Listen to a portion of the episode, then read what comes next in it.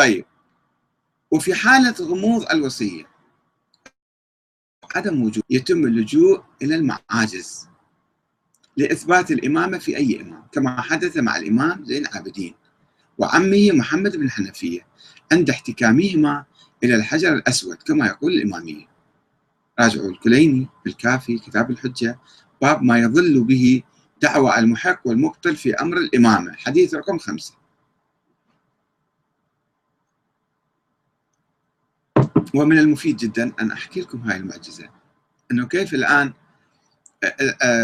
ثبتت إمامة زين العابدين. الوصية كانت غامضة ومو واضحة يعني. وما يمكن الاستشهاد بها وبناء عقيدة أو دين أو أو موقف سياسي حتى.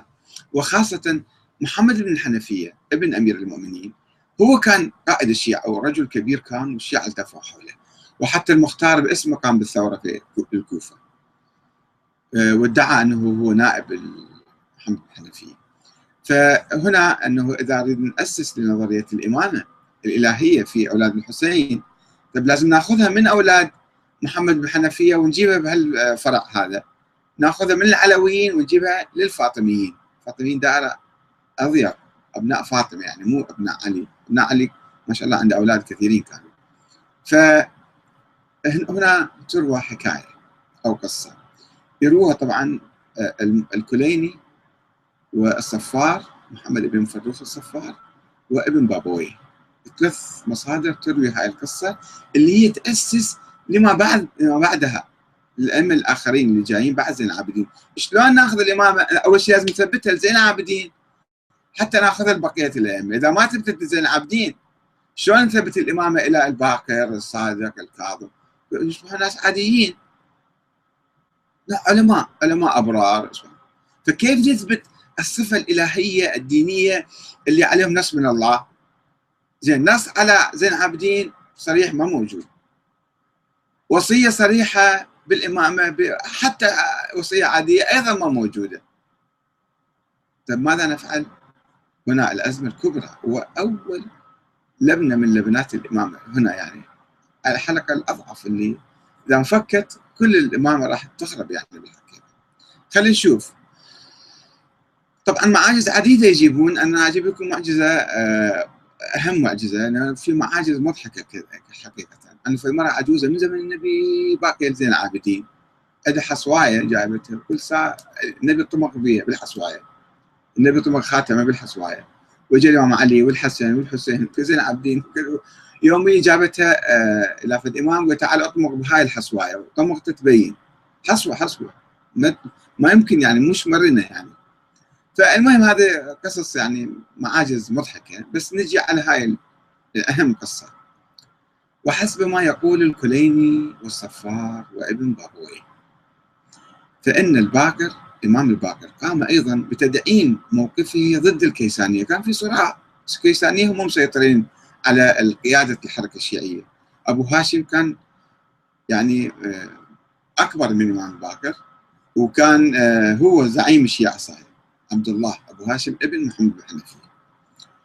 فقام برواية هذه القصة الإعجازية حتى يسحب الشرعية من ذاك ويعطيها الإمام زين العابدين ثم تنتقل الشرعية الدينية إليه طبعا. فقال لما قتل الحسين أرسل محمد بن الحنفية إلى علي بن الحسين فخلى به قاعد سؤال وياه فقال له يا ابن أخي قد علمت أن رسول الله صلى الله عليه وآله دفع الوصية والإمامة من بعده إلى أمير المؤمنين ثم إلى الحسن ثم إلى الحسين. وقد قتل أبوك رضي الله عنه وصلى على روحه ولم يوصي لم يوصي أبوك وأنا عمك وصنو أبيك وولادتي من علي. في سني وقديمي وقدمي يعني أحق بها منك في حداثتك. أنت بالك شاب صغير أنا رجال كبير وشايب وابن علي بن أبي طالب وأكبر من عندك. فتعال اتبعني الي فلا تنازعني في الوصية والإمامة ولا تحاجني. ليش أنت يعني ما تستسلم إلي؟ فقال له علي بن الحسين يا عم اتق الله ولا تدعي ما ليس لك بحق. إني أعظك أن تكون من الجاهلين. إن أبي يا عم صلوات الله عليه أوصى إلي قبل أن يتوجه إلى العراق. قبل ما توجه العراق طبعا علي الأكبر كان هو أكبر أولاده ما أوصى إلى علي أوصى إلى الأصغر أو الأوسط. قبل أن يتوجه إلى العراق وعاهد إلي في ذلك قبل أن يستشهد بساعة. قال لي أنت راح تصير إمام. وهذا سلاح رسول الله صلى الله عليه وآله. عندي فلا تت... قال له عندي الآن موجود سلاح رسول الله. فلا تتعرض لهذا فإني أخاف عليك. نقص الأمر وتشتت الحال. راح تموت بسرعة أنت إذا تحكي هالشكل وتشتت الحال. إن الله عز وجل جعل الوصية والإمامة في عقب الحسين.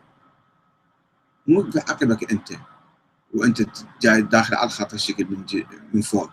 لا ما يصير الشكل فإذا أردت أن تعلم ذلك طيب شلون تعرف الآن أنت؟ الآن يدعي الإمام زين العابدين يدعي امام محمد بن حنفية ما كان هو في كربلاء ما شارك في كربلاء فقال له أنت أنا وصاني الي وقال لي كذا هذا دعوة الآن كيف نثبت الدعوة؟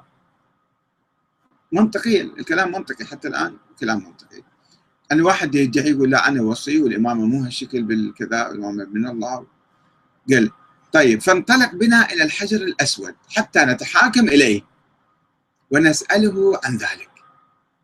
قال أبو جعفر الإمام باكر وكان الكلام بينهما بمكة. فانطلقا حتى أتيا الحجر الأسود. فقال علي بن حسين لمحمد بن حنفية ابدأ أنت فابتهل إلى الله عز وجل وسله أن ينطق ذاك الحجر ثم سل. اسأل عن أي شيء تريد. خلي ذاك يحكي وياك. فابتهل محمد في الدعاء وسأل الله ثم دعا الحجر فلم يجبه. وقال علي بن حسين يا عم لو كنت وصيا وإماما لأجابك. شفت؟ أنت مو إمام مو إمام من الله. الحجر ما تكلم معك قال له محمد فادعو الله أنت. يا ابن أخي وسلوا إذا صدق تقول خو أنت اسأل الآن. فدعا الله علي بن الحسين بما أراد. ثم قال أسألك بالذي جعل فيك ميثاق الأنبياء وميثاق الأوصياء وميثاق الناس أجمعين. لما أخبرتنا من الوصي والإمام بعد الحسين بن علي؟ قال فتحرك الحجر حتى كاد أن يزول عن موضعه. ثم أنطقه الله عز وجل بلسان عربي مبين. فقال اللهم إن الوصية والإمامة بعد الحسين بن علي إلى علي بن الحسين ابن علي بن أبي طالب. وابن فاطمة بنت رسول الله صلى الله عليه وآله. قال فانصرف محمد بن علي وهو يتولى علي بن الحسين عليه السلام. قال خلاص أنا بطلت. استقلت من قيادة الحركة الشيعية وأنت صرت إمامي وأنت صرت زعيمي. هذه أيضا الكشي يرويها آه، في الجزء الثاني 336 بالإضافة للكليني وال آه، ابن بابويه والصفار ابن فروخ الصفار. طبعا هنا يعني الإمام زين العابدين بايع يزيد بيعة عبد أنه عبد له في واقعة الحرة. إذا بشوف واقعة الحرة إجا أخذ البيعة من الناس اللي بقوا بعد ما قتل 10000 إنسان يزيد. أنه أنتم كلكم عبيد إلى يزيد. مصرف بن عقبة أنتم عبيد. فقال لي لا أقتلك ولا تقول أنا عبد. قال لا يا أنا عبد خلص وتاريخيا ثبت أن محمد محمد بن حنفية هو الذي قاد الشيعة. وهو الإمام انتقلت إلى ذريته بعدين. أبو هاشم علي وكذا. فما كان لا استسلم ولا تنازل ولا كذا. ولكن هذه الرواية يرويها أو تروى. أنا ما متأكد 100% أن الباقر هو قال. أعوذ بالله. ولكن الإمام باقر نفترض هو كم سنة كان عمره؟ من هذه الرواية صارت القصة صارت يعني بعد كربلاء 61 الإمام باقر كان عمره سبع ثمان سنوات. خمس سنوات كان في كربلاء. طيب هو كان موجود؟ ما يقول أنا كنت موجود وشهدت. طيب في آه، المكة في الكعبة لما راحوا جادلوا ناقشوا كذا الحجر الأسود كان في الصحراء ولا كان في داخل الكعبة؟ داخل الكعبة طبعا. زين الكعبة ما فيها ناس. حول هالموضوع أحد شهد أحد شاف أحد عرف أحد كذا. أحد ما راوي القصة هذه. فقط بعد خمسين سنة جاء إمام باقر يروي الرواية هذه. إحنا نصدق هاي الرواية؟ الآن بعدنا افترضوا بعدنا ما نعرف الامام باكر هو إمام من الله. يعني كأي إنسان عادي كأي مسلم كأي محمد بن حنفية نفترض أو ابن محمد بن حنفية. يجي يقول له يا محمد بن علي الباكر أنا ما أعترف بك أنت إمام معصوم وكذا وعندك علم من الله وعندك كذا أنت إنسان عادي. اثبت لي أنت عندك شيء من الله وعندك أنت نبوة وعندك نصف نصف نبوة أو عندك شيء من القبيل. قاعد تقول أنه هاي القصة حدثت. شنو شاهد عليها؟ منو شافها؟ منو رواها؟ وبعدين أنت قاعد تجيب قصة تستفيد من عندها. يعني أنت إذا ثبتت الامامه زين عابدين بعدين راح تثبتها لنفسك راح تستفيد. فلو رحت للمحكمة الآن القاضي شو يقول لك؟ القاضي يقول لك أنت يعني قاعد تستفيد من هاي القصة قاعد تروي أنت يمكن مختلقها. أعطيني دليل على حدوثها. دليل خارجي مو من عندك أنت. جيب لي شهود من ناس من برا من نوم الناس اللي شافوا القصة وسمعوا من زين عابدين وقاعد أنت تقول الكلام هذا. يعني هذا حسب القانون الإسلامي. ما يمكن واحد يدعي آه يعني أرض قطعة أرض ما يقدر يقول هاي مالتي أو ثوب ما يقدر يقول هذا مالتي. الإمام أمير المؤمنين تذكرون القصة مالته؟ لما الدرع مال سرق واحد. ذمي سرق درعه وكان داخل المسجد. لما خرج شاف الدرع ما هو لقاه بعدين بالسوق واحد يبيع قال هذا درع مالتي؟ قال لا أنا ورثته من أبي. قال لا مش روح القاضي. راح ليش رايح القاضي؟ دائما شوف القانون الإسلامي هو أكو لإثبات أي شيء هناك قوانين. الإمام علي ذهب إلى القاضي قال له شنو قصتك؟ قال له هذا درع مالتي ولقيتها عند هذا الرجال. هي بيدي فأنا مالكها. وأنا ورثتها عن أبي. القاضي سأل الإمام أمير المؤمنين وهو خليفة المسلمين. قال له عندك شهود عن هاي الدرع مالتك؟ قال لا ما عندي. قال له قوم اطلع برا. خلص قال ما ما ما أنت ما عندك يعني قانونيا ما لك حق تاخذ هذا الدرع من هذا الإنسان. لذلك الذمي يتعجب جدا. وقال هاي شنو الحكم هذا؟ أمير المؤمنين. وأنا سارق من عنده درع والقاضي يحكم لي مو إله. أشهد أن لا إله إلا الله وأنا محمد رسول هذا عدل الإمام علي. هذا قانون الإسلام هكذا وقانون الأرض أيضا. أنت ما يمكن تثبت شيء بدعوة تدعي. حتى لو كنت أمير المؤمنين أنت ما لك ما تتمكن بالدعوة تثبت شيء. طب هذه القصة الآن هي دعوة. دعوة وشنو؟ بالإمامة العظمى بالإمامة الدينية شيء كبير جدا يعني. أكبر من درع وأكبر من أرض وأكبر من أشياء كثيرة.